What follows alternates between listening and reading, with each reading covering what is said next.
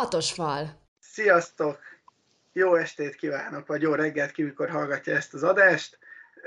Kisebb kihagyás után most újra nekiugranánk egy hatos fal podcast adásnak, ezúttal és kivételesen Szandi nélkül, aki munkahelyi elfoglaltságai miatt nem tud velünk tartani. Ezúttal négyen vagyunk a Skype-on, mert hogy sajnos személyesen nem sikerült összefutnunk az idő szűke miatt, de reméljük, hogy ez a kis technikai akadályoztatás, vagy technikai hátrány az adás minőségén nem fogja, nem fog akkor a nyom, nyomot hagyni. Mondanám is, hogy ki van itt velem a virtuális stúdiónkban. Egyrészt Süle Ádám, azaz Björni kollégánk a blogról, másik bloggertársunk Mooney, aki velünk van, velük a legutóbbi adásunkban is beszélgethettetek a Máté kézilabda, vagy többet tudhattatok meg a Máté kézilabda gyönyöreiről, és a mai vendégünk pedig Inside the Offside, azaz Kungli Dávid, Sziasztok. aki a foci mellett ö, rendszeresen szokott különösen a Veszprémnek a teljesítményéről írni a saját oldalán, és a videóiban is foglalkozott már, például van egy egészen kiváló interjúja készült néhány hónappal ezelőtt a Fradi egyik kiválóságával, úgyhogy szintén a kézilabdában érintett és alapvetően a kézilabdában meg, megfertőzött emberkéről van szó. Na és akkor vágjunk is bele, a mai témánk alapvetően a világbajnokság lenne. Ott tartunk most időben, mert nyilván nem tudjuk, hogy ki mikor hallgatja majd ezt az adást, hogy túl vagyunk egy egészen, hát azt majd megmondjuk, majd ezt bővebben kifejtjük, hogy milyen minőségű, de egy Brazília elleni, mondjuk azt, hogy hősies győzelmen, és gyakorlatilag ott tartunk, hogy ha minden jól megy, akkor akár a nyolc közé is bejuthatunk. Ehhez a svédektől várunk majd egy kis segítséget. Na de, akkor el is mondanám gyorsan, hogy milyen eredmények voltak, hogy fölelevenítsük, ha valaki lemaradt volna. Ugye Dél-Korea elleni csodálatos győzelemmel kezdtünk, egy jó félidő, meg egy kevésbé jó félidő.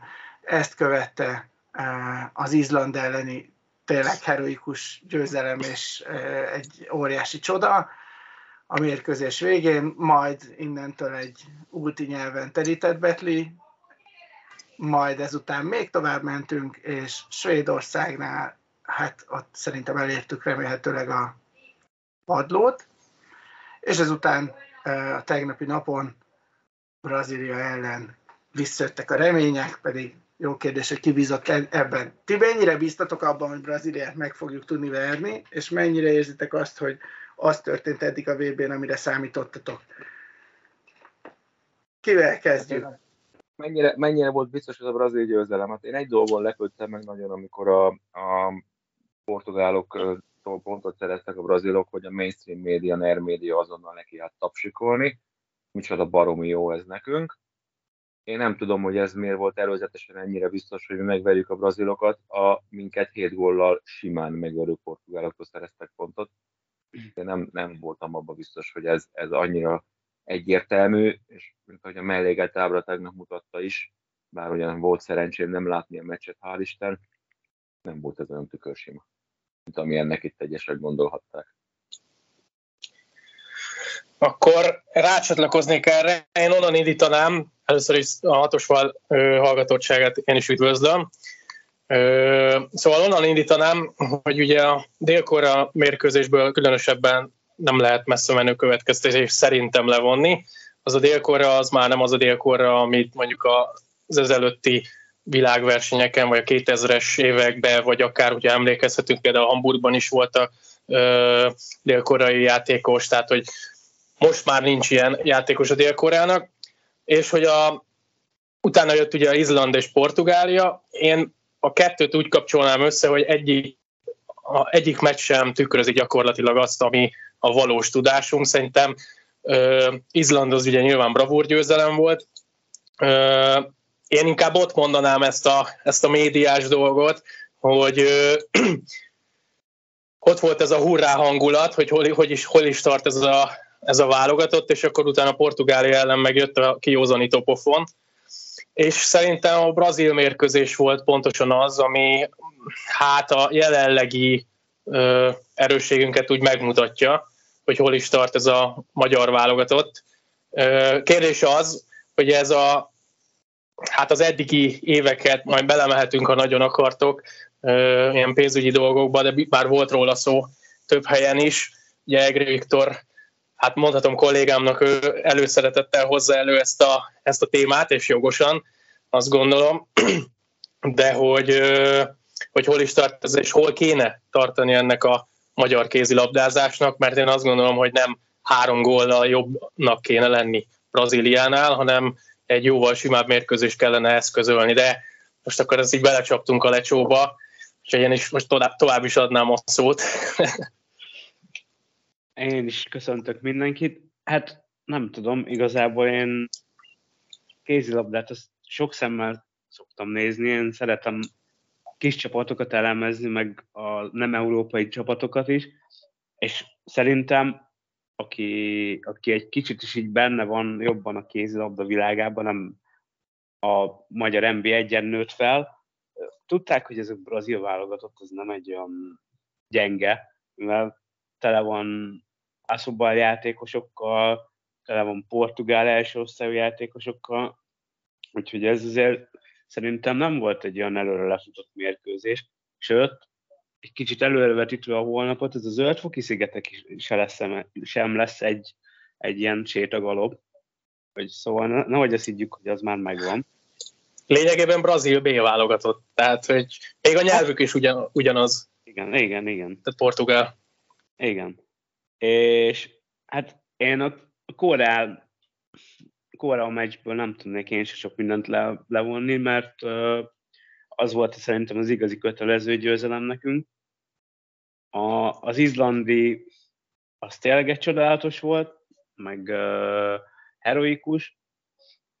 A portugáloknál igazából nem tudom, az volt szerintem a portugálok meccsén a legrosszabb, hogy uh, nem is játszottunk olyan rosszul, csak egyszerűen nem tudtunk mit csinálni.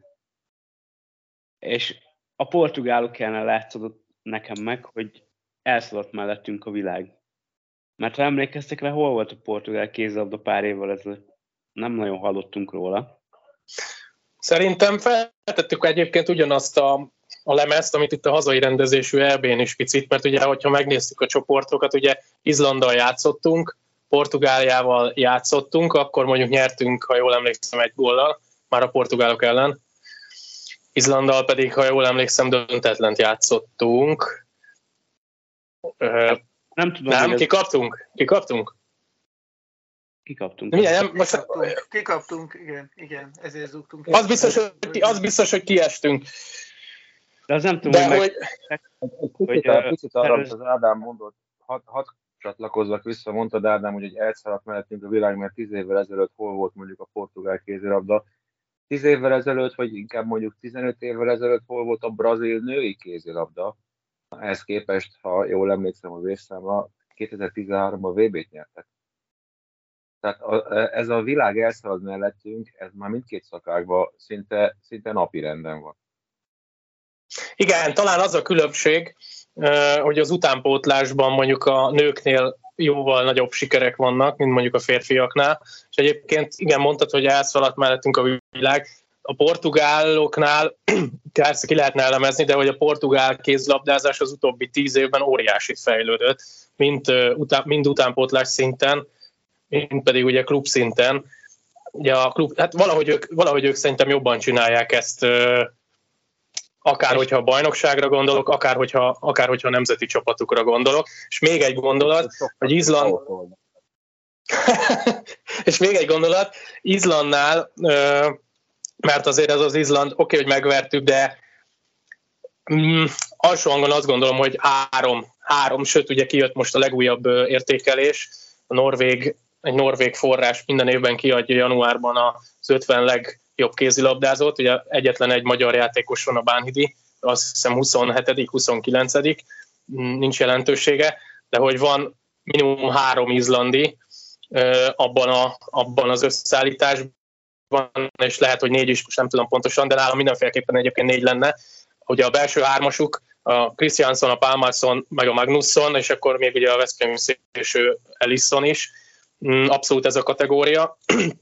De hogy azt akartam mondani, hogy 5-6 éve volt Izlandnak egy ilyen lejtmenete, ha jól emlékszem, hogy így még a kiutás, tehát a tornákra való kiutás is ö, neccesebb volt, és nézzük meg azt, hogy most, hogy nézzük meg azt, hogy most, hogy beszélnek róluk, meg hogy beszélnek rólunk. Tehát, hogy persze lehet itt azt mondani, hogy a svédek, mert egyébként nagyon-nagyon diplomatikusak voltak, hogyha hallgattátok a mérkőzést követően, ugye a Palika is elmondta, hogy ne, nincs, ez, nincs ez a két csapat között, vagy nincs ennyi a két csapat között. Lehet, hogy nem arra gondolt egyébként, hogy 9-13, de, de, de hogy egyébként érdekes ebből a szempontból is szerintem megközelíteni ezt a, ezt a témakört.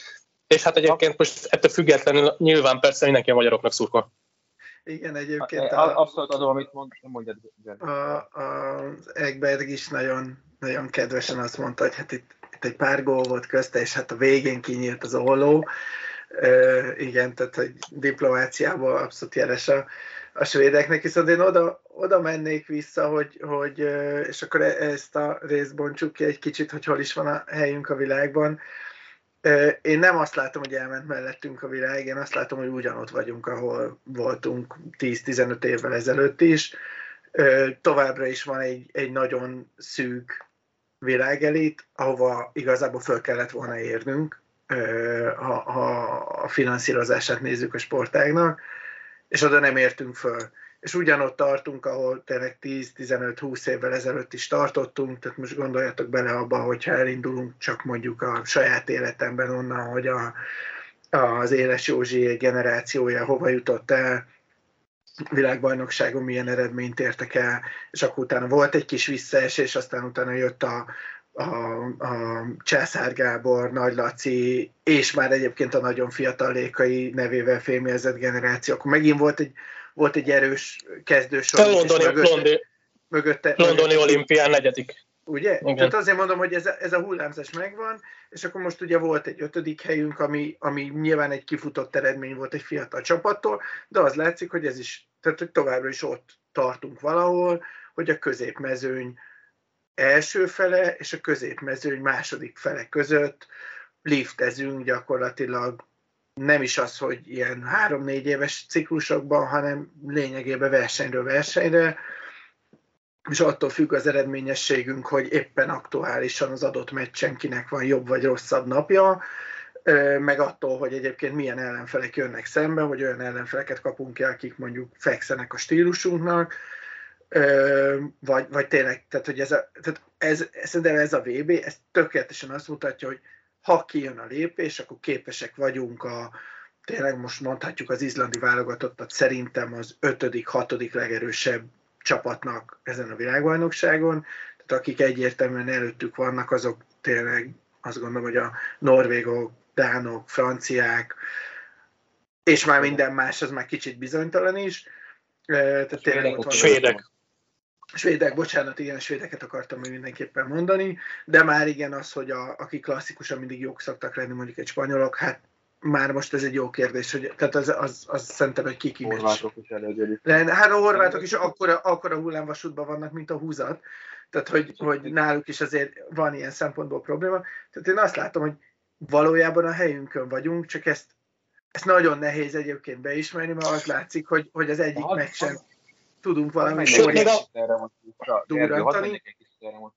Bocs, bocs, még egy, még egy gondolat, csak vissza, még, még egy gondolati visszautalva a meccsekre, hogy, hogy, hogy Izland ellen ugye azért is volt különösen nagy meglepetés, mert ha valakinek a stílusa nem fekszik nekünk, akkor az ugye Izland azzal, hogy rohannak nagy tempóban még egyéb. Ugye a portugálok ilyen szempontból sokkal közelebb vannak ahhoz, ami, ami játékot mi játszunk, és ami, ami talán testhez álló, mert nagyok vagyunk, nem vagyunk olyan gyorsak, nem is a, a klubcsapataink se játszák igazából azt a, azt a rohanós kézilabdát, amit mondjuk a, az északiak. Na ehhez képest a portugálok voltak azok, akik, akik földbe döngöltek minket, és öt perc alatt elvették a létező összes önbizalmunkat, és aztán agyon lőttünk egy középszerű kapus, gyakorlatilag ez, ez történt. Itt a baj az Izland meccsel, hogy, hogy az Izland meccs az, az úgy jött, az, az utólagos értékelésben úgy jött ki, hogy ott még micsoda faszán játszottunk, és az utolsó negyed órában aztán valami csodálatos játékot nyújtottunk.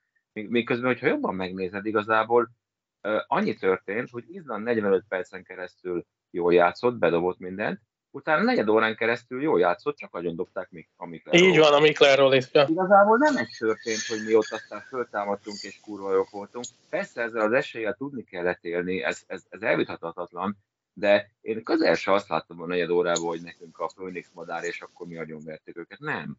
És ebben lőttünk nagyon mellé, és azt gondolom, hogy lehet, hogy, hogy amire utólag így mindig jön a magyarázat, hogy nem bírjuk el a közösség nyomását, lehet, hogy a csapat is sejteni, milyen faszák vagyunk. Aztán jöttek a portugálok, akik nem megmutatnak. Á, nem.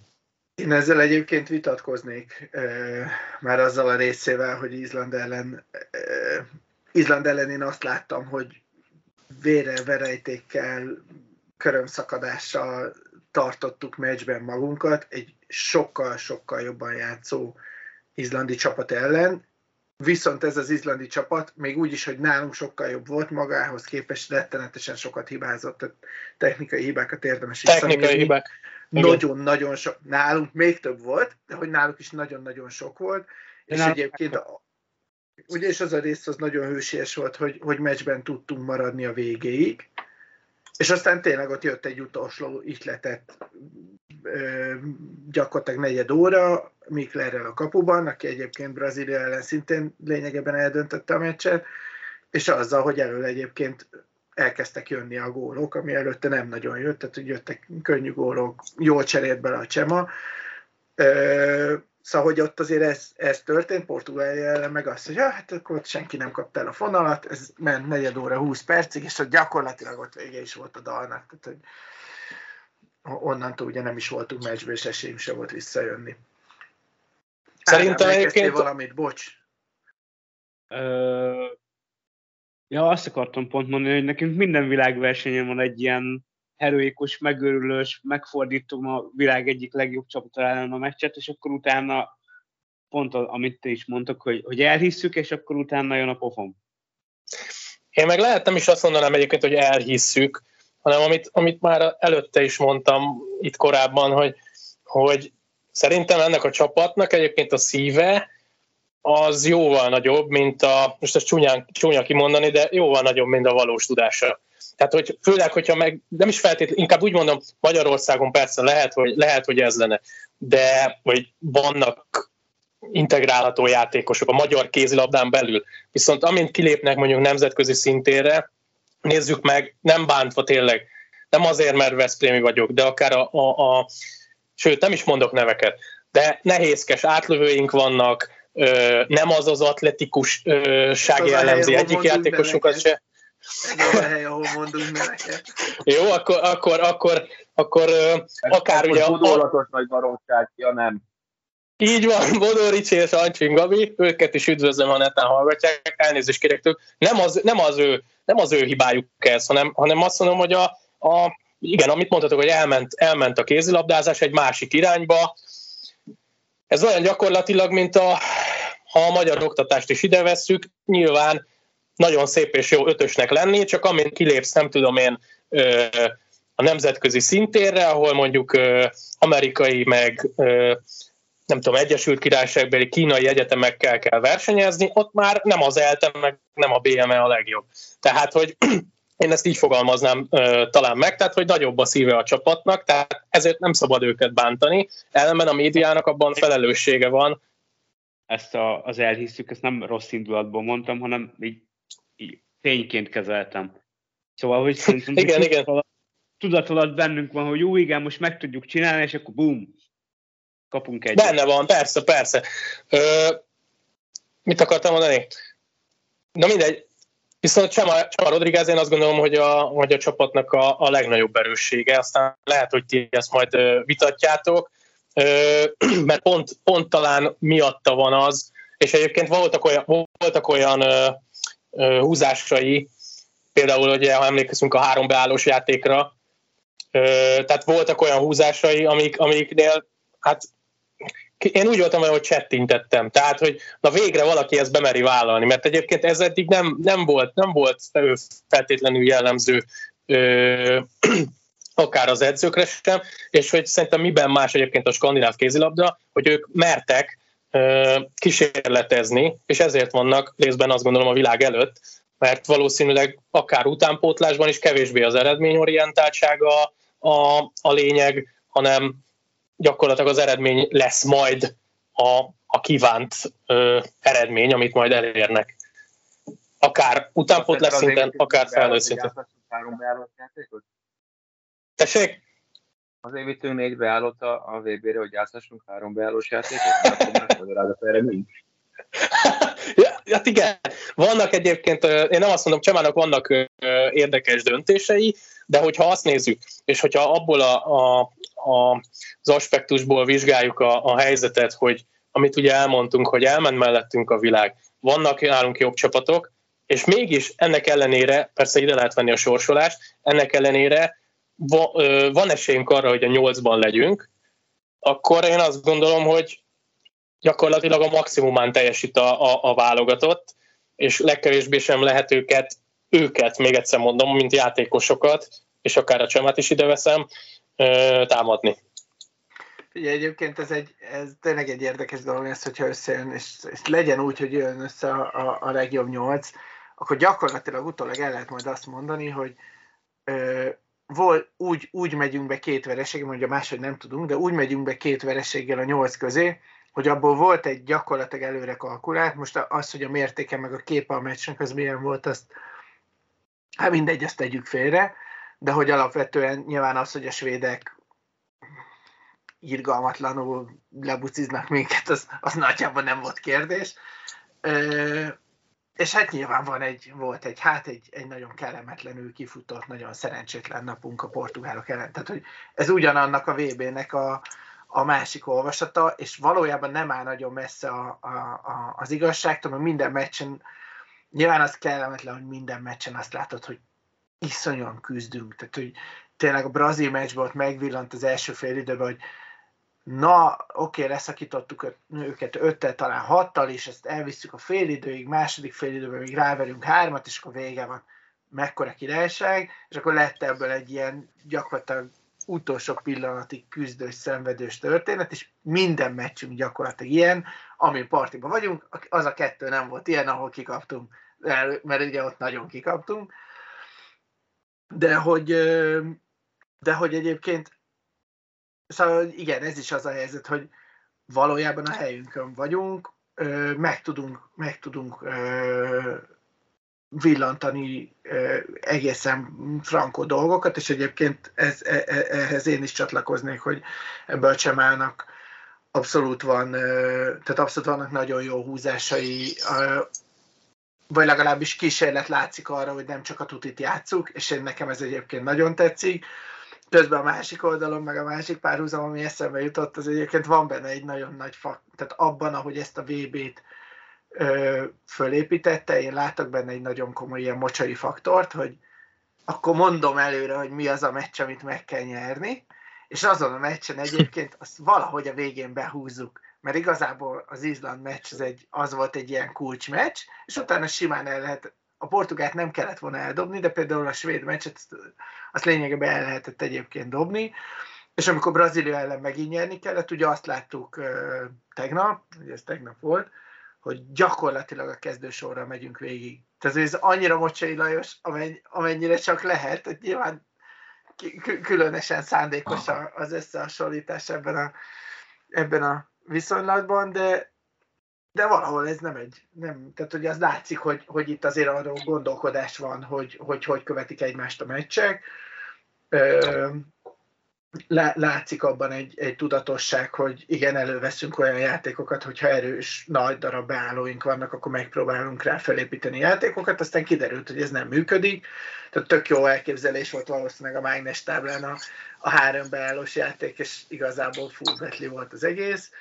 Ö, nincsen ezzel baj, de közben tényleg látszott egyébként pláne az Izland meccsen voltak olyan húzásaink, tehát még a, a posztba is beleírtam, hogy hogy csak így pislogtam, hogy te jó Isten, meg, mekkora játék. Egyébként az látszik, hogy ezek fogytak el egy kicsit, tehát mondjuk a braziliai meccsen ez már, hát ott már ilyen nagyon alapjátékok voltak, hogy, hogy középen erőltetük inkább, minden. azért volt ilyen nagyon alapjáték, mert szerintem térezte a nyomást, hogy ezt most ezt mindenképpen hozni kell, és nem, nem mert annyira belenyúlni szerintem.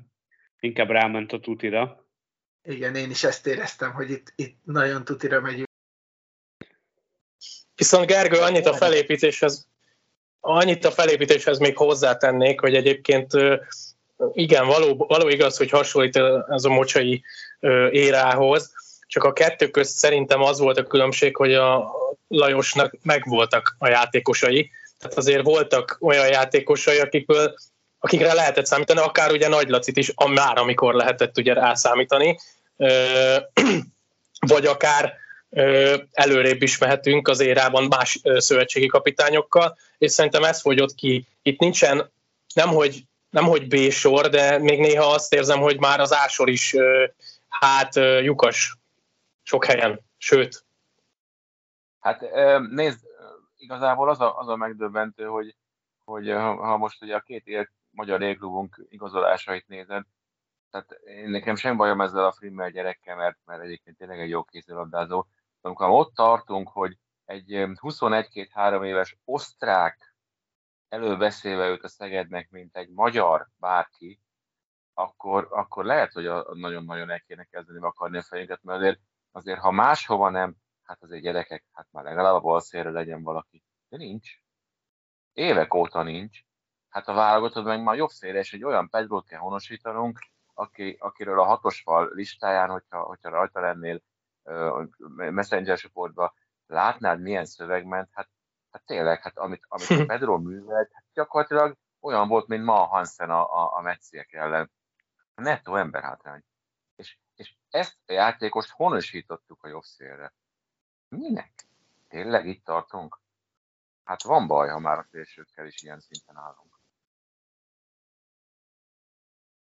Menjünk akkor egy kicsit a posztok, posztok felé, hogy ki mit Sőt, ez, igen. De menjünk, persze, igen. Dávid, Ádám. Hát pont ugye a...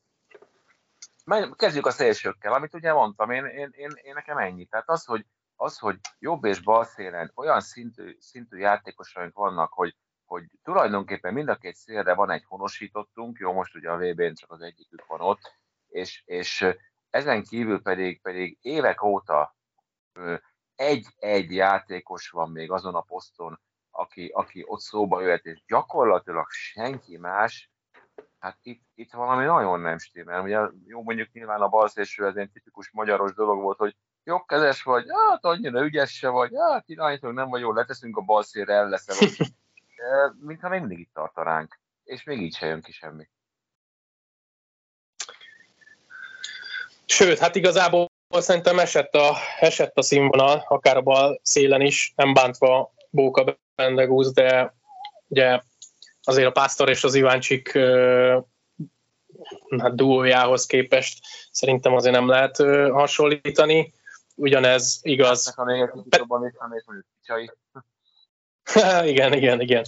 Tehát és ugyanez igaz a jobb, jobb szélső pozícióra is. Bár egyébként igen, beszélgettem ugye játékosokkal erről, tehát a játékosokkal is beszélgettem erről, és ők is azt mondták, hogy néhol egyébként nem értik például Csemát, hogy, hogy mondjuk miért nem mernek hozzá, vagy miért nem merő hozzányúlni akár Bújdosó Bendegúzhoz, vagy mondjuk a Kovacsics Petyához, tehát hogy ezek olyan lehetőségek lehetnének, amik, mert azért annyira ott nem vagyunk kiemelkedőek. Ugye Bókának is volt nagyon rossz meccse. Ha tegyem fel azt a kérdést szerintetek, ez, ez most egy picit itt a posztoktól elmegy, de ugye mondod, hogy nem mer hozzányúlni a Csema. Biztos az, hogy egy klubegyző, aki 2500 kilométerre van Magyarországtól, az, egy, az, az ideális kapitány ilyen szempontból? Látja ő ezeket a játékosokat? Jön hát, haza az év végén, ne bántsuk, jön haza, ugye az a mondás, hogy Kérdezem. végével főállású, főállású ezt, ezt a szezont kell valahogy kibekedni. Az más kérdés, hogy egyébként az olimpiai kijutás az valójában ezen a V-ben dől el elsősorban és mindenek előtt, de hát valahogy... Miért jövőre megnyerik az elbét? Mondok egy tételmondatot, ugye, ugye Vranyással voltunk a legjobbak. Meg Rasmussennel a nőknél, haló? Ez így van. A dusabáját ne hagyjátok ki a felsorolásból, és remekeltünk. Uh, Igen. Szerintem a Érzékeny téma, érzékeny téma. Én azért azt látom, hogy egyébként ez a csapat, tehát hogy én abszolút folytonosságot látok azzal, amit a, a Csema elkezdett a, a Gulyással, ugye három, hogy is van három évvel ezelőtt, ugye ez már a negyedik világverseny, gyakorlatilag ugyanannak a keretnek. Tehát szerintem a, a bő keretben egészen minimális, tehát annyi változás van, akik így fölértek ö, utánpótlásból. Egyébként szerintem, tehát hogy ezt, ezt azért érdemes meg is említeni, hogy ez egy, egy tök okos építkezés valahol, hogy ö, hogy a, már a, a, a gulyással az a, egy olyan, olyan keretet alakítottak ki, ami gyakorlatilag Párizsig, és, és nem tudom mennyire emlékeztek, de ott ez el is hangzott annó, hogy ezt a keretet már egyébként oda ö, építjük, ugye, amin így többen fel is kapták adni a fejüket, hogy hát ott még ugye előttünk volt, hogy elvileg ki lehetne még jutni a, a Tokiói olimpiára is, de hogy hát nem, ez Párizsra kell jó, jónak lenni. És egyébként nagyon sokat nem feltétlenül lépett elő ez a csapat, de ez, ez nagy részt azért van, mert az első két világverseny az egészen parádésra sikerült. Ö, amiért nyilván hálásak vagyunk, meg tök jó, hogy egyébként ez így van. De, de, de szóval, hogy van egy, van egy folytonosság egyébként ebben a dologban, és egyébként egy kicsit visszamegyünk a posztokra, nekem az az egyik kedvenc pont, pont ha már szélsőkről beszélgettünk, hogy szerencsétlen Pedro az nyilván iszonyatosan szivatva van, de nekem például az egyik kedvenc ilyen, vagy nagyon sokszor hallott ilyen mondás, hogy na hát mennyire szűk a repertoárunk, és hogy gyakorlatilag nem játszunk szélre, hát ez egyébként ebben a formában nem feltétlenül igaz, csak nem lőjük be a helyzeteket. Különösen, különösen Pedróra igaz ez, akinek hát nincs egy különösebben veretes, tehát szélsőként nincs egy különösebben veretes lőlapja. Most pont néztem a legutóbbi statisztikát, hogy azt mondja, hogy 20 per 11-el áll, mondjuk nagyon-nagyon sokat játszott, inkább szerintem ez a probléma nála, hogy ha valakinek ennyire nem megy, és egyébként van egy cseréje, akkor már csak azért is fölteszem, hogy szerencsétlennek legyen, legyen lehetősége összeszedni a gondolatait.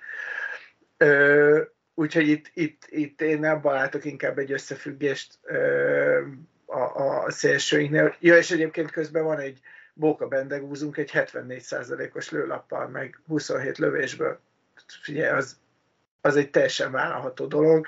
Tehát ennél érdemben több lövése szélsőnek, így az egész VB tekintve azoknak a válogatottaknak van, akiknek nagyon sok a lerohanása.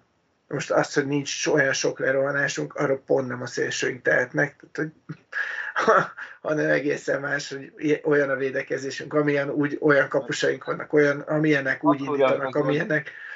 Tehát, hogy, hogy, hogy ez, egy, ez egy kitett helyzet, mert ennek egyébként, bocs, ezeknek a, a, a lövéseknek a nagy része egyébként posztról jön. Tehát, és akkor, ja, és hogy, akkor ott tartunk, hogy... A Barténel Bókával nincs bajom, tehát ő, ő tényleg hozza magát, csak nála Nincs, is, ha most meg, meg, kéne, meg kéne neveznünk, hogy ki a második balszésünk, akkor iszonyatosan vakarnám a fejemet. Nem igaz, mert egyébként Győriként te számodra ismerős név, mert úgy szól, hogy Kovacsics.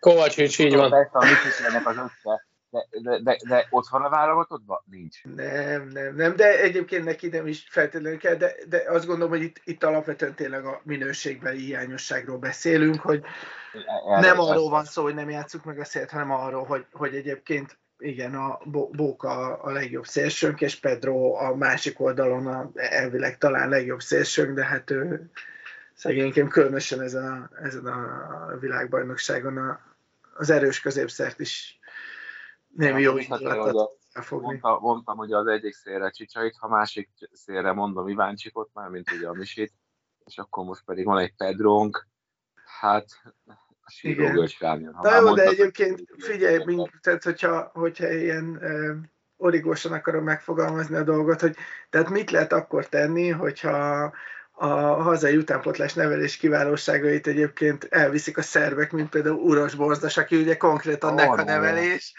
és ugye szerveknél játszik. 12 év TAO után azért ez elég karcsú szöveg a jobb félre, hogy a Pedro mögött még egy magyar simpa.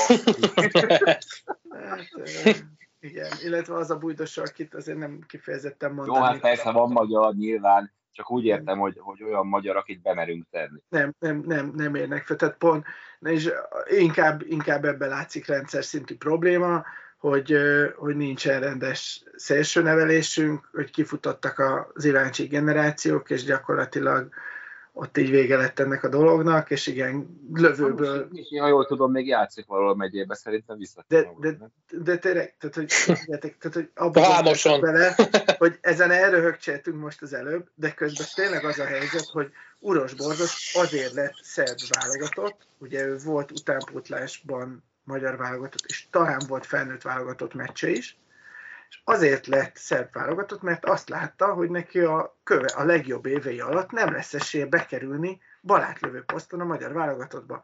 Mert balátlövőből van nem is egy, nem is kettő, olyan, akit tudunk használni, és akkor ott van mondjuk egy Győri Matyi, aki, akinek sansza nincsen, hogy oda kerüljön, és pedig, mit tudom, Juhász Ádám kiesett középről, tehát hogy belső posztról még van jobb, jobb kezesünk, aki, aki ki is esett, tehát Uras Borzas sokadik a sorban, és még, még, még hasonló képességű balátlövőt tudnak. Meg emlékeztek arra, amikor a, emlékeztek arra, amikor a Juhász játszott szélsőt?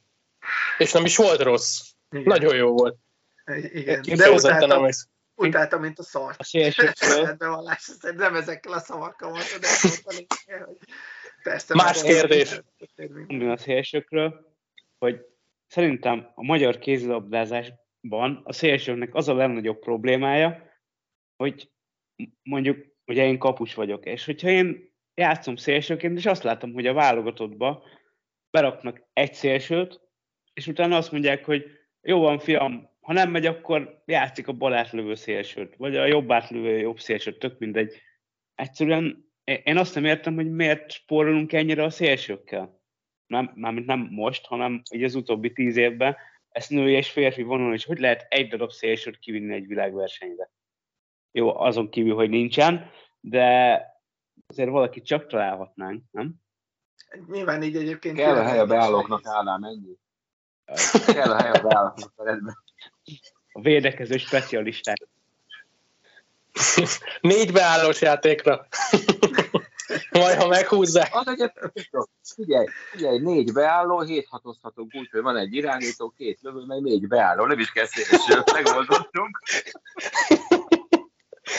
Tovább a szélsőkről egy kicsit a, a belső posztok felé. Nekem, ami egyébként nagyon fáj, már fényeztük egy kicsit csemet, meg majd még vissza is térünk rá, de ami, amit, amit nem, nem, nem értek, és tök jó lenne megtudni, és hát ha lesz majd ö, erre esetleg lehetőség valamikor. Mi volt a cél erre? Akinek ugye volt az Ágrában egy tök jó szezonja, tök Igen, jó, hogy betettük, ráadásul pláne úgy, hogy uh, ugye Ancsin Gabi azzal indított, hogy hát akkor neki vagy lesz csípője, vagy nem, és ugye csípő nélkül állítólag nehéz kézilabdázni. Na most ő fölépült a pályán gyakorlatilag, uh, Ilics nagyon jól szállt be, és értem mindentől, hogy akkor Leimeternek nincs helye, de közben egyel jobbra a pályán ott van egy, egy fuldokló uh, Pedro, aki tényleg, tehát hogy szerintem az abszolút mélypont az ez volt, a, a, amikor ugye elkövette ezt a kétszerindulást a lerohanásban, és akkor szegény még ott csodálkozott, hogy hát mi történt, egy konkrétan labdavezetési hiba, tehát hogy tényleg ez az a pont, ahol körülnézek, hogy ki az a balkezes, akit fel tudok oda küldeni, mert szerencsétlen, tehát hogy így, így ne, ne égessük már szerencsétlen tovább. De ehhez képest nem az lett, hogy akkor jött bújdosó, ö, hanem, hanem nem volt igazából rá semmi, Leimeter szépen csöndben nulla játékperce kikerült a, kikerült a keretből is. Oké, okay, értem, hogy azért hoztuk ugye a brazilok elleni meccsre a Palasicsot, mert az nagy kérdés volt, hogy a, a Mikleroli egyáltalán fog-e tudni ö, játszani a rossz kezével, tudott nem is akárhogy, de még mindig nem értem, tehát hogy nekem itt én azt el tudom fogadni, hogy szükség van a negyedik meg az ötödik beállóra is, de amikor ott van posztra egy emberünk a padon, és egyébként azon a területen van olyan játékosunk, aki, vagy azon a poszton van olyan játékosunk, aki betlizik, hogy azt miért nem cseréljük be, ezt, ezzel nagyon kíváncsi lennék. Ennek a balkezes lövőnél még egy picit továbbmutató problémám van. Értem én, hogy az a magyarázat, hogy mert nem csapatember, meg mert nem szeretik a többiek, de Bartók Csabát végleg elfelejtettük. Hát nagyon úgy tűnik. De egyébként nem... Ancsi, Ancsi nem volt rossz ezen a VB-n egyébként támadásban, bár hogyha úgy vezetünk... Sőt, a brazilok ellen 9 per 6-ot dobott. Igen. Most pont nem láttam, de egyébként nem volt rossz Izland ellen sem, meg, meg még a svédek ellen is vállalható volt. Csak az Ancsinnál nekem az a nagy bajom, hogyha vezetnénk a jégkorongos plusz-minusz statisztikát, akkor azért lehet, hogy a vastag mínusz állna ott nála. De, de akkor is most már, most már Ancsinból lassan kifelé kéne mennünk, és el kéne mennünk. Volt is egyébként egy ilyen jégkorongozó, vagy Ancsin. Jaj, és volt rossz. Így van, így van. Jégkorongos hasonlat. Én nekem, én nekem, ez a, pont ez a poszt, ahol egyébként alapvetően szerintem pont nincsen gondom, meg hát ugye van, a, van, van egy, van egy ö, sérültünk is, és ennek ellenére tényleg a 30, nem is tudom, két-három éves Hancsinnak kell ö, ö, próbálkoznak, aki mondom, még egyszer, ezen a vb pont, hogy értelmezhető támadó játékot nyújt, Na de, de most ha építkezünk, akkor, akkor, akkor most az építkezés? Ezt én nem értem. Én azt gondolom, hogy egyébként a, a, a, az Ancsin Gabi van inkább az a szomorú egy kicsit, tényleg élete formájában játszik ezen a vb tehát egy legjobb világversenye ever, tényleg. Visszamész a lővenig? Visszamész, Geri? És vissz, visszamegyek a lővenig, egyébként visszautalva arra, amit pont te mondtál, hogy, hogy ugye ott úgy tűnt, hogy na, hát akkor lesz egy nemzetközi szinten is értelmezhető, meg nemzetközi karrierbe futó játékosunk, és hogy nem lett belőle gyakorlatilag semmi, és utána a, gyakorlatilag tíz évig azt nézhettük, hogy van egy-egy jó meccs, és akkor utána meg, meg, meg masszív visszaesés. És tényleg nem az ő hibája, hogy ő, ő neki olyan szinten lett valami elmenedzselve ebben a, ebben a karrierben, hogy az, az valami egészen döbbenetes. Tehát, hogy ő rendbe kellett volna tenni fejben, felhozni, játékban, keresni neki olyan csapatot, ahol tényleg bizalmat kap, mert egyébként ebben a srácban benne van ez.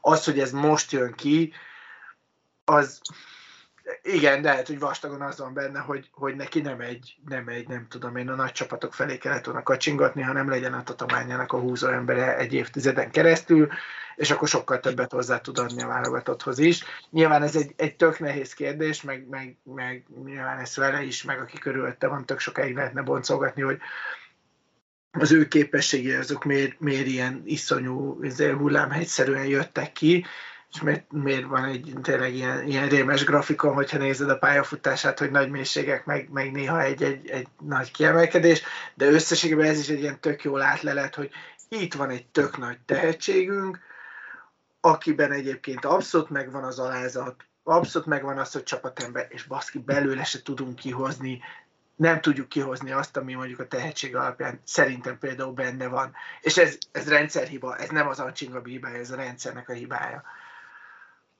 Igazából az egész válogatott a rendszer hibája. Csúnyán mondva. Nyilván, tehát ez mindig ugye jéghegy csúcs, erre volt egy elég hosszú adásunk egyébként. És, és akkor ugye, ugye itt akkor, ha maradunk a belső posztoknál, mert hogyha most minden posztról együtt beszélünk, akkor, akkor négy adás is jön. De ugye most, hogy a jobb lövőket ugye nagyjából elsoroltuk, kik vannak, akkor bal lövőben ugye ott van, ott van a, a számomra rettenetesen kiszámítható, rettenetesen statikus Bodó, akinek szintén minden nyolcadik meccse jó, és akkor, akkor mindenbe megy neki, de egyébként ugyanazt egy egyeneset lövi végig. Van mögötte ugye a Szita Zoli, aki, akiről még nem tudjuk, hogy mi lesz, de szerencsére ő még pont elég fiatal ahhoz, hogy még akármi is lehessen belőle. Ö, és ha most, most, most hirtelen meg kéne neveznem, hogy ki a harmadik ö, ö, balkezes lövője a magyar válogatottnak, akkor igen. Liget. Akar pont ezzel folytatom, hogy igen, az a Liget vári, akit be sem mer cserélni, sem ma. Akkor nincs Igen, harmadik. igen, igen, igen. Pont ezt akartam az előbb mondani, hogy persze Liget vári, de, de nem is tudom, melyik meccsen írta a, a, um, listán, a, a csoportunkba, uh, Gergő, Ádám, segítsetek a Csilla, hogy, hogy tudja valaki, mi van Ligettel, mert ott ült végig a padon. Emlékeztek rá? Miközben egyébként, miközben egyébként, miközben egyébként a Veszprémben meghatározó játékos, tulajdonképpen ezt lehet mondani. Egyre inkább. E, egyre inkább szerintem. Játékos, játszogat, de ő is most már abban a korban van, amikor már nem meghatározó játékos lesz egyszer talán belőle, hanem már bőven húzó embernek kéne lennie. Tehát valószínűleg ő lesz a, ő lesz a, a jobbkezes Ancsin Gábor. Hm. Az nem Bodó? Amíg vár... Akkor, ja, akkor ő lesz a jobbkezes Bodó. Jó, oké.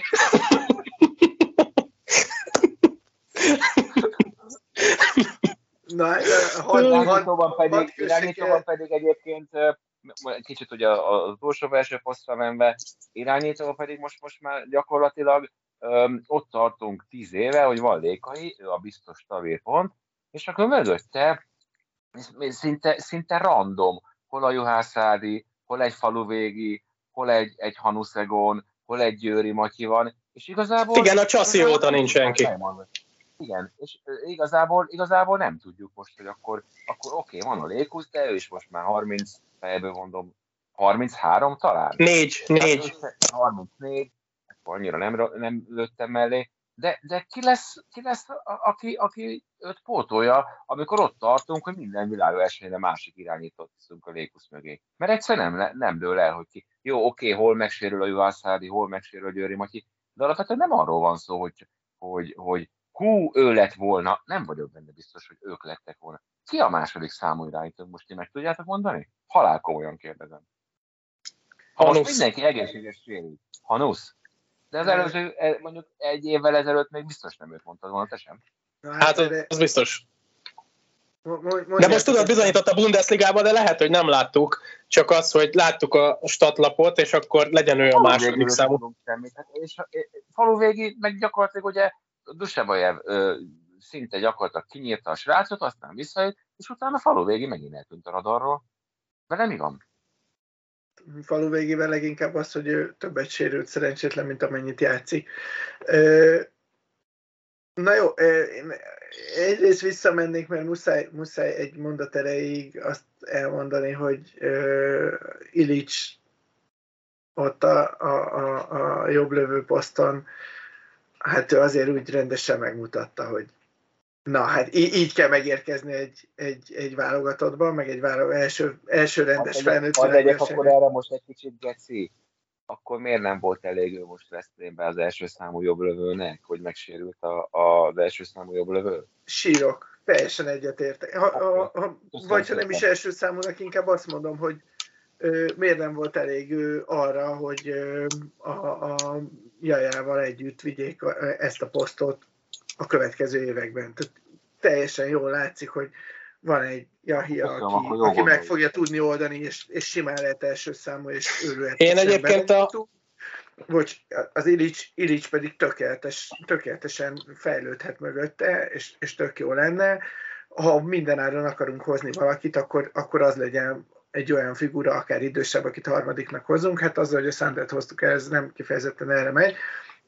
De szerintem egyébként, tehát elnézett tényleg azt, hogy ez a srác itt játszik, én, én megmondom őszintén nem nagyon féltem, mert, mert ott, ott, ott nagyon masszív dolgok vannak abban a gatyában, és ezt nagyon jó látni egyébként, mert, mert egy jó, jó, abszolút jó versenyző típus, és talán ez a legfontosabb, pláne ebben az életkorban, mert az összes többit, mert az izmot még felszedi, meg a, a, amit kell, még azt meg fogja tanulni, de ez az alap, hogy, hogy, hogy ne, ne essen össze.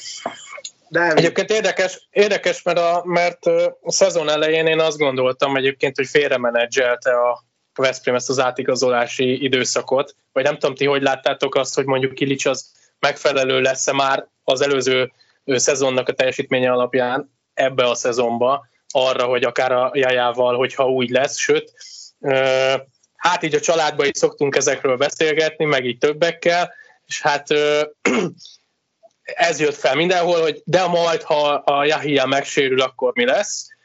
Hát megsérült, és egyébként nagyon szépen építgette szerintem a Momo az egész szezon tekintve.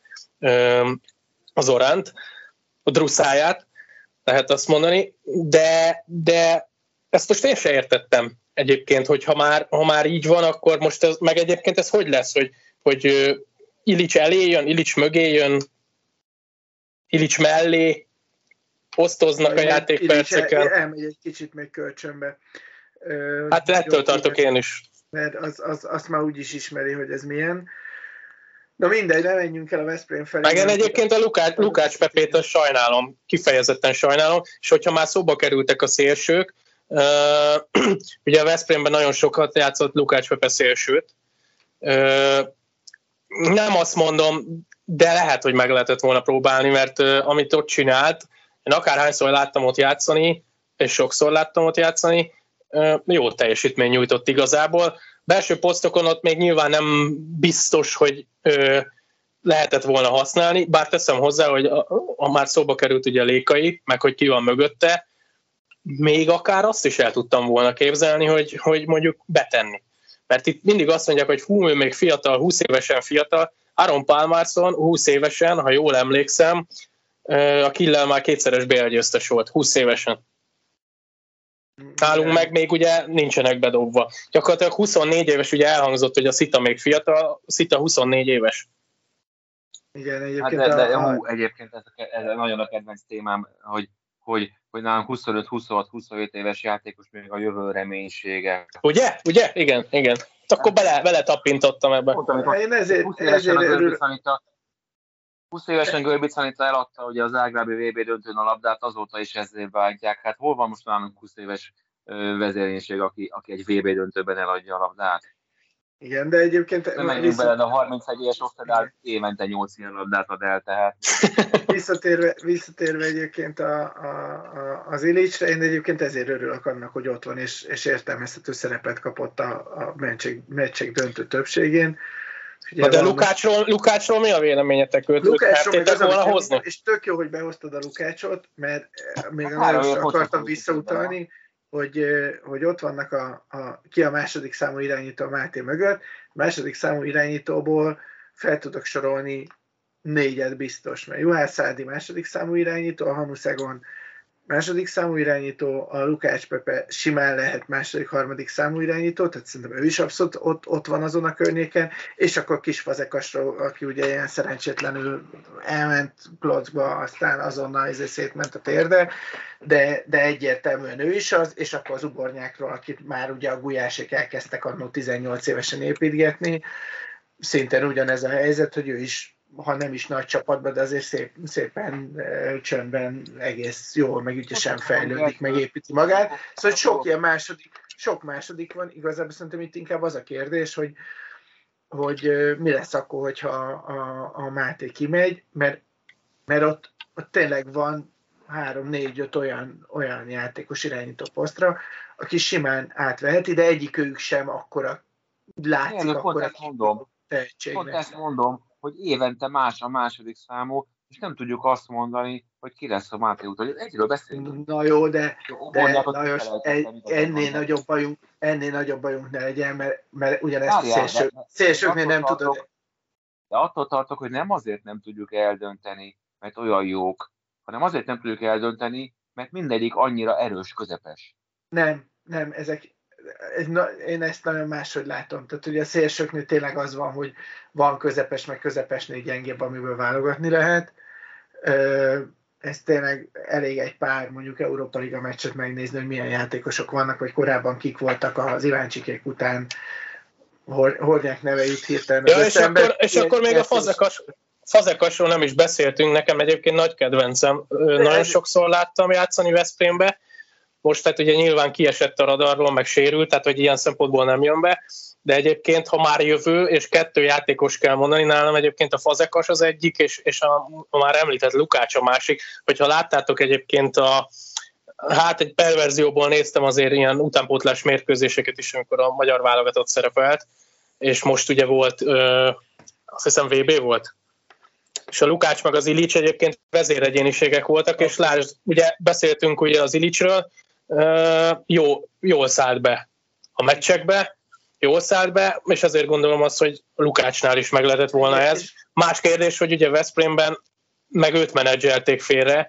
mert ebbe a fél szezonban nagyon-nagyon keveset játszott, tehát az alapján így van, így van. Tehát ott egyébként egy, nem tudom én, egy, mondjuk pont egy Fradi ugye bejutott a nemzetközi szintére, lehet, hogy egy Lékai Máté mellé, vagy, vagy, vagy mögé, Sőt, egyébként ez a válogatott szempontjából is jó lett volna, és hát ugye nem kell bemutatni a, a nemzeti válogatott és a Fradi összefonódását, már most ezt úgy mondom, hogy más szinten, inkább úgy mondom, hogy meg lehetett volna próbálni ezt a verziót. Lehet, hogy fél szezonban még lesz, lesz hasonló. Nagyon reménykedem benne, hogy azért a Lukács nem fog elveszni úgy, mint akár mondjuk az Dolik Bence. Szóval vissza, vissza, visszatérve, az irány, visszatérve arra, amit Lajos felvetett, én az irányító posztól semmennyire nem félek. Tényleg, ha már Fradit behoztad, ott is ott van a Csörgő Kristóf, aki 17-18 éves talán. Ő nagyon ügyes, ő is. És, és, amikor tényleg az egy dolog, hogy mit, én azt mondom, hogy ügyes, de amikor a Lékai Máté azt mondja, hogy ebbe a gyerekben nagyon van valami, az ugye Egyébként hasonlít a játék a Lékaira. Ez a higany mozgás. Szóval itt, itt az én van, hogy ezek... Tudjátok, az a bajom, tudjátok, az a bajom, hogy, hogy Győrben mondjuk körülbelül évente három pálingert és négy görbicanitát találtak. Nem, hát én mindig ezek a srácok, ezek a srácok nem nagyon óvatos vagyok. Nem ez a szint, de tény is valahogy ez nagyon fontos, hogy, hogy ő nekik meg legyen a hát játék lehetőségük. Mondani, meg a csapat. Mondani, hogy minden, minden évben elmondták, hogy ő lesz a következő Görbic, ő lesz a következő Pálinger. Oké. Okay. Nem lett. Oké, okay. E- e- ezért, ezért okay, hadd mondjak erre annyit, hogy hány, hány szélsőt tudunk mondani, aki ö, azt a karrierutat választja, ö, 18, 19, 20, 21, 22 évesen, hogy elmegy külföldre, vagy egy valóban erős bajnokságba, vagy konkrétan egy BL csapatba játszani. Hány ilyet tudunk mondani? Nincsen, mert nem érnek fel oda. Míg irányítóban most van konkrétan kettő, Jó. ugye egy a Wisla Plockban, egy, meg, egy meg a Stuttgartban, aki ott játszik, tehát hogy ez egy... egy a meg egy jobb, ja bocs, hát jó mondjuk egy fiatal tehetségnek a Juhászádit már ne hívjuk, de igen, de ő is ott van, a, de tényleg, tehát ő is ott van a Benficában. Ez egy jó irány, tehát hogy itt, itt van, van kilátás szélsőre. És akkor még visszajön a Máté Dominik, már nem irányító pozícióba, akkor Ú, már igen, lassan, lassan, lassan, ott tartunk, hogy brutális a keret. Egyébként egy balkezes irányító, norvégok egyszer megcsinálták, és nagyon ment nekik a válogatottban őknél. Egy balkezes irányító azt szerintem tök jól lehetne amúgy. Igen, egyébként a Doma tényleg, tehát nyilván a Doma tényleg hiányzik. És ugye, és ugye beszélgetünk arról, hogyha valakiben van ilyen szempontból spiritus, az a Csema. Tehát, hogy ha van három, három beállós játék, akkor lesz balkezes irányítójáték is. De és akkor lenne. Egyébként a planetában is azt csináltam volna, csak úgy kitekintésként, de most már... Hadd érjünk el oda, ha már végig szaladtunk a posztokon, bár barátlőben egy kicsit átugrottunk, de mindegy is. Szerintem egyébként a barátlövőink... Nem átugrottunk, hanem kiről beszéljük. De nem, figyelj, barátlövőink hozták azt, amit tudnak, és ezzel mindent el is mondtam. Az Olivodó, igen, igen. Ö, a főleg, mert ő ennél nyilván nem lesz már jobb, és ahhoz képest egész vállalatot teljesítmény nyújt. Na, viszont nekem, és akkor van, kíváncsi vagyok tényleg a véleményetekre, nekem a visszatérő gumicicám az egész VB alatt az volt, hogy igazából azért döcög a támadójátékunk, mert az az, ami tényleg nagyon döcög, mert a védekezésünkbe is nyilván bele lehet kötni, de összességében egyébként a, a, a svéd meccset leszámítva, most nézzük meg, hogy hány, hány gólt kaptunk, és milyen kapus teljesítmény van mellette, ezek tök vállalható eredmények. Pláne, hogyha nem lennénk tele két percekkel, visszatérve a támadójátékunkra, nekem az a, az a problémám a támadójátékunkkal, hogy szerintem az irányító játékunk nem volt annyira csillogó, erre van fölhúzva a játékunk. Nyilván a Csemánál ez talán nem is olyan nagyon nagy meglepő, hogy a, a, az irányító előnyszerzései adják a játék alapját, és, és ezek, ezek nem voltak meg. Iszonyúan örültem neki, hogy a Máté így egyszer csak előhúzott valamit a régiből a brazilok ellen, és, és legjobbkor jött, és nagyon kellett, de hát azért, ami előtte volt, azon a meccsen is, meg, meg hát gyakorlatilag szinte minden meccsünkön, tényleg ez a, a, a na, tehát, hogy na, nagyon sokkal-sokkal vékonyabb az irányító játékunk, és akkor utána ugye már a laikus szemlélő mit lát belőle, hogy hát a Bodó a világ végén miért durrantja el a labdát? Hát azért, mert mert muszáj, mert valamilyen le, le kell zárni a támadást, de nem csinálunk nekik elég jó helyzeteket, és ö, főleg számosságában nem csinálunk elég jó helyzeteket. Nekem ez volt abszolút a meglátásom. Mit szóltok ehhez? És akkor, és akkor most jönnek a beállók? Egyébként, a be, és a másik, a beálló, hogy a beálló játékunk is, egyébként a Báhidi a másik. Mert ugye, hogyha már ott tartok, hogy lövőnek nincs helyzete, meg az irányító ö, játék, akkor azért, azért a beállók pont most jönnek. Igen. Akikből van négy a keretben, ugye? Igen, és egyébként ehhez hozzátartozik az, hogy figyeljetek, mondok, mondok egy nagyon meredeket. Azt mondja a hivatalos statisztika, hogy Báhid Bencének van 3 óra 22 perc játékideje. És 56 percet játszott a brazilok ellen, és kétszer, vagy 55, 55 percet, és kétszer volt kiállítva, tehát gyakorlatilag végigjátszotta. Igen, igen, és igen, de és akkor ehhez képest Báhid Bencének a három és fél óra alatt volt 17-es lövése, amiből 14 egyébként gól lett, tehát ez, ez teljesen rendben van. Rosta Mikinek van 1 óra 31 perce, és 29 lövése. De Tehát, abban benne a hetes is? Én most nem értem.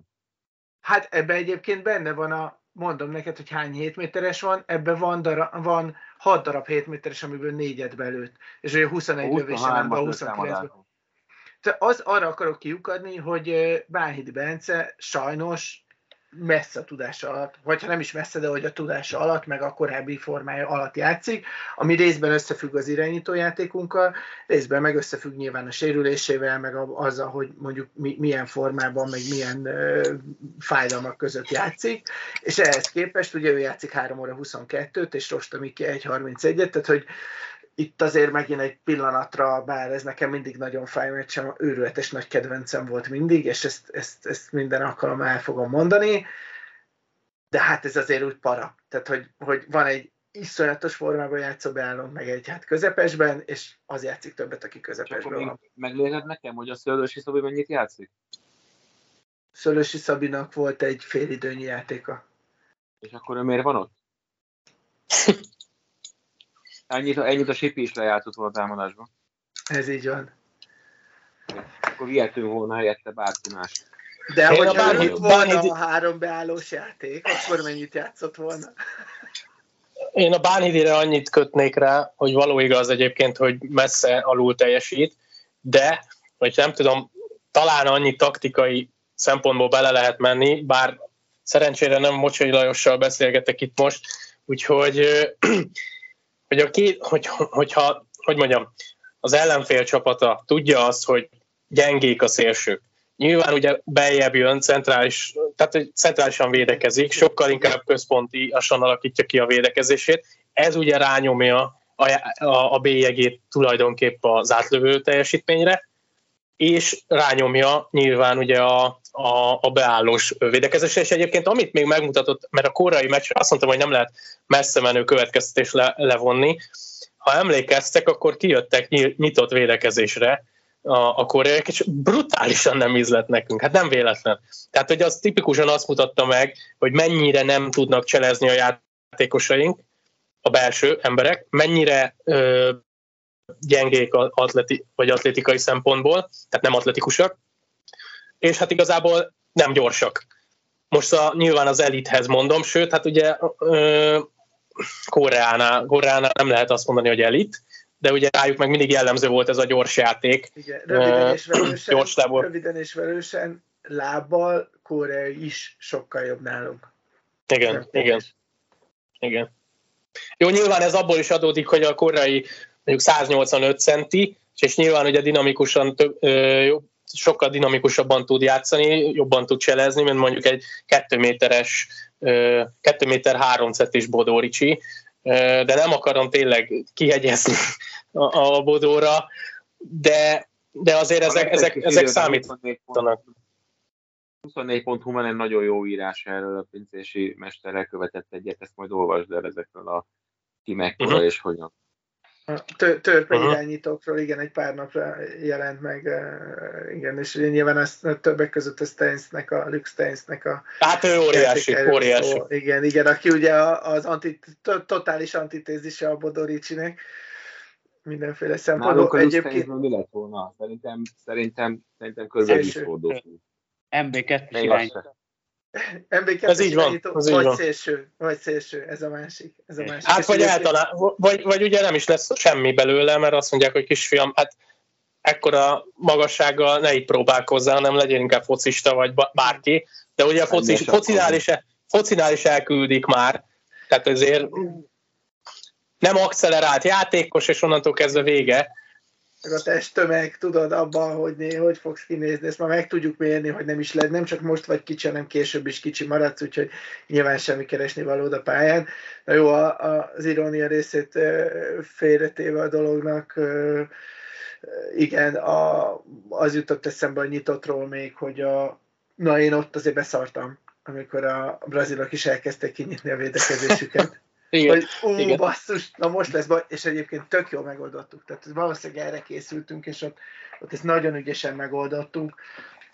Egyébként többek között pont a, szerintem az Ilicsnek volt egy ilyen nagyon jó megoldás, és akkor nagyon gyorsan vissza is mentek, hogy, hogy megtámadta az üres területeket, irányba, illetve a Lékusz is nagyon jól használta ki, hogy na ott akkor jött egy-egy jó, jó csel, és akkor vissza is, vissza is, vagy össze is zárták a falat a brazilok, de tény is való, hogy ez, ez egy jó, jó lábú csapatnál simán működhetne ö, ellenünk ezzel a kerettel, meg a sok beállóval, meg, meg sok statikus átlövőnkkel, vagy nagy darab átlövőnkkel.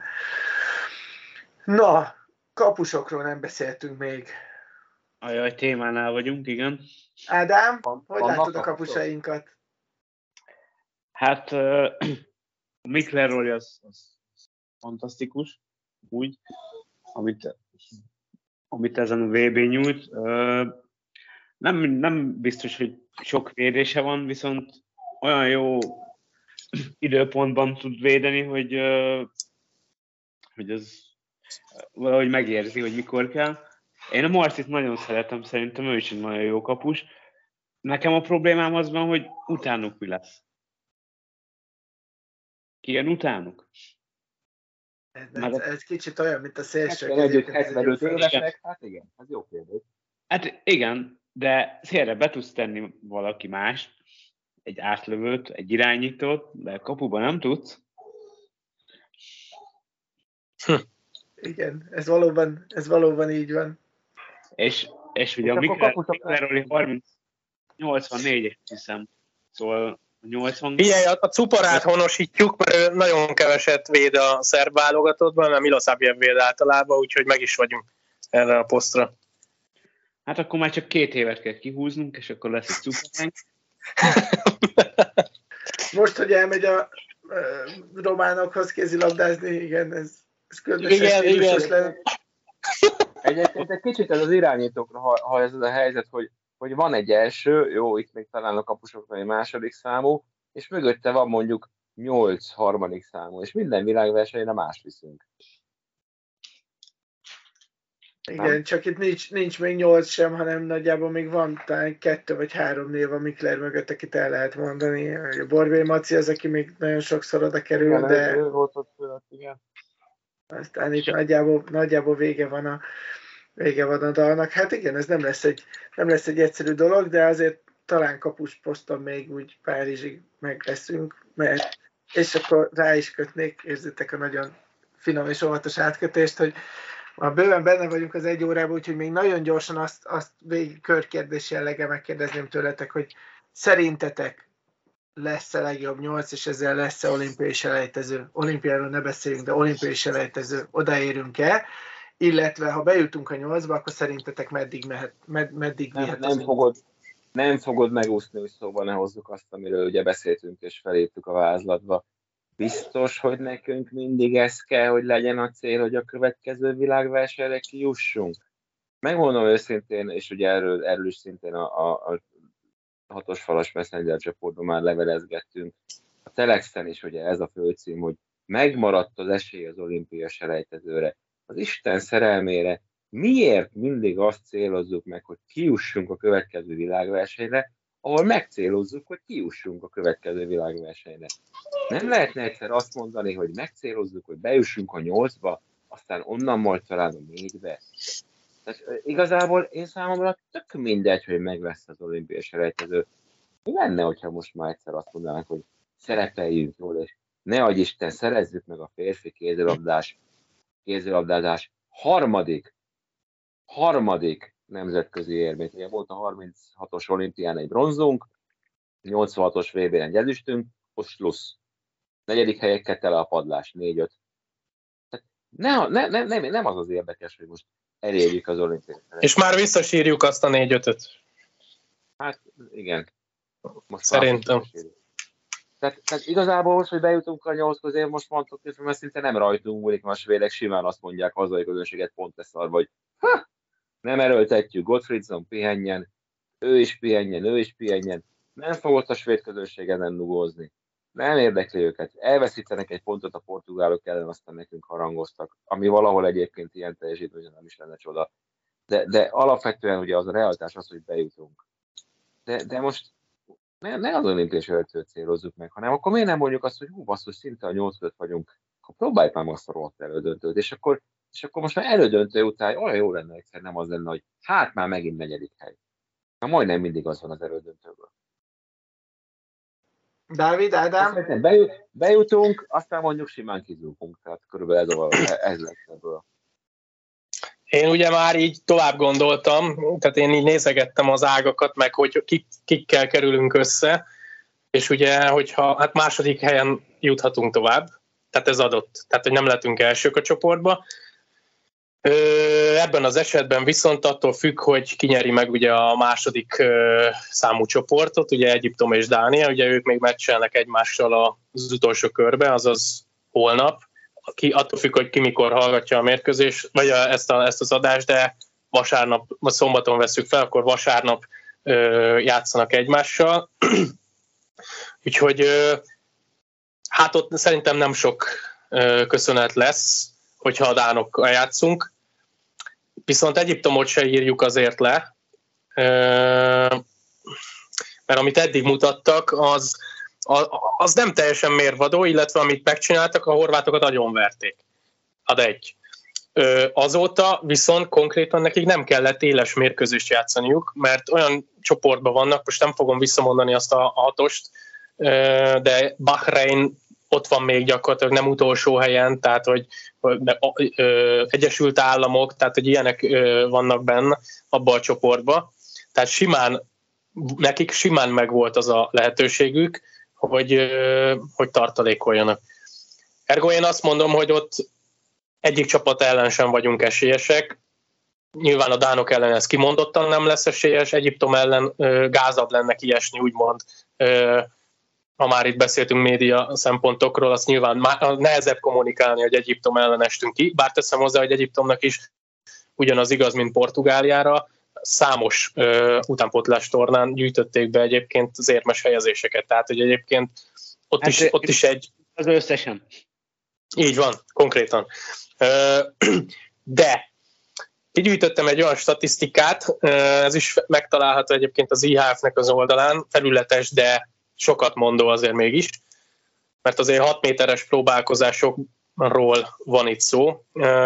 113-szor próbálkoztunk, ebből 69 gól született. Ez konkrétan dél-koreaival egyenlő szint nagyjából, ők is így összehasonlítgattam a, a, a másik válogatottakkal. Nyilván e tekintetben jóval előttünk járnak a főbb válogatottak, vagy a top válogatottak. Heteseknél 18-ból 12-t értékesítettünk, tehát ott is, ott is van javulni való, szemben mondjuk egy Izlanddal, aki, aki egyetlen egy hetest hagyott ki az egész tornán.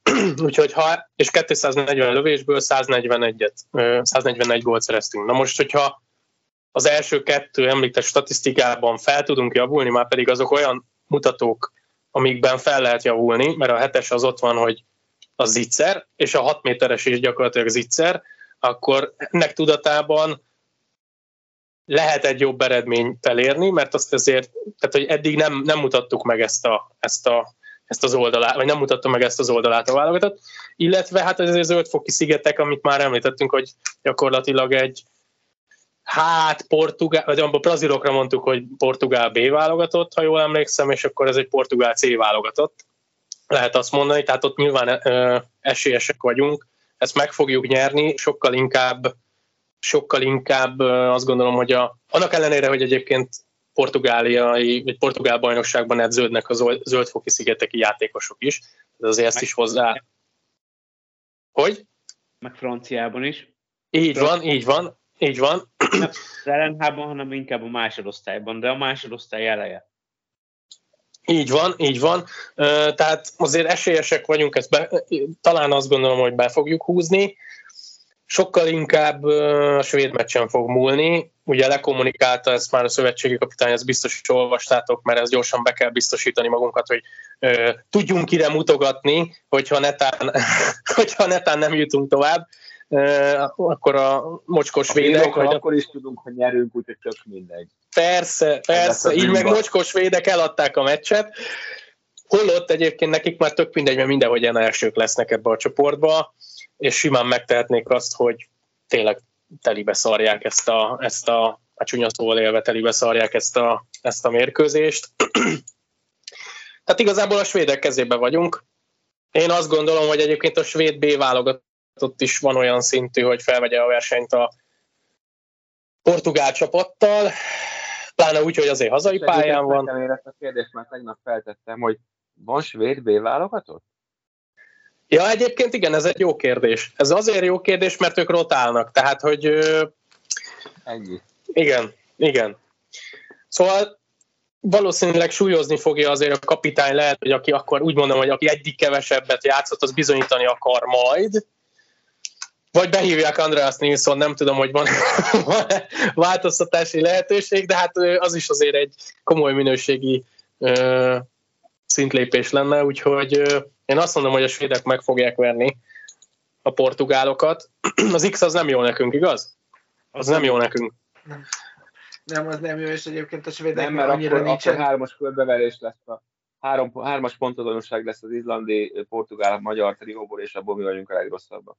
Semmiképp igen, nem neki. Igen, de egyébként tényleg arról, hogy, hogy mit és mennyit ö, játszott az A meg a B svéd csapat, meg mennyire van ilyen, hát gyakorlatilag ö, ha, ha a cserekapust levesszük ebből, akkor, akkor nem is nagyon fogunk találni olyan játékost, aki kettő óránál kevesebbet játszott volna a svéd válogatottba, és egyetlen egy olyan van, ugye öt meccs után, aki három óránál többet játszott, Niklas Egberg, ugye a fiatal és energikus Niklas Egberg, három óra egy perc töltött a pályán, és, és azért mondom, hogy az Appelgren, ugye? Az Appelgren a cserekapus, ugye?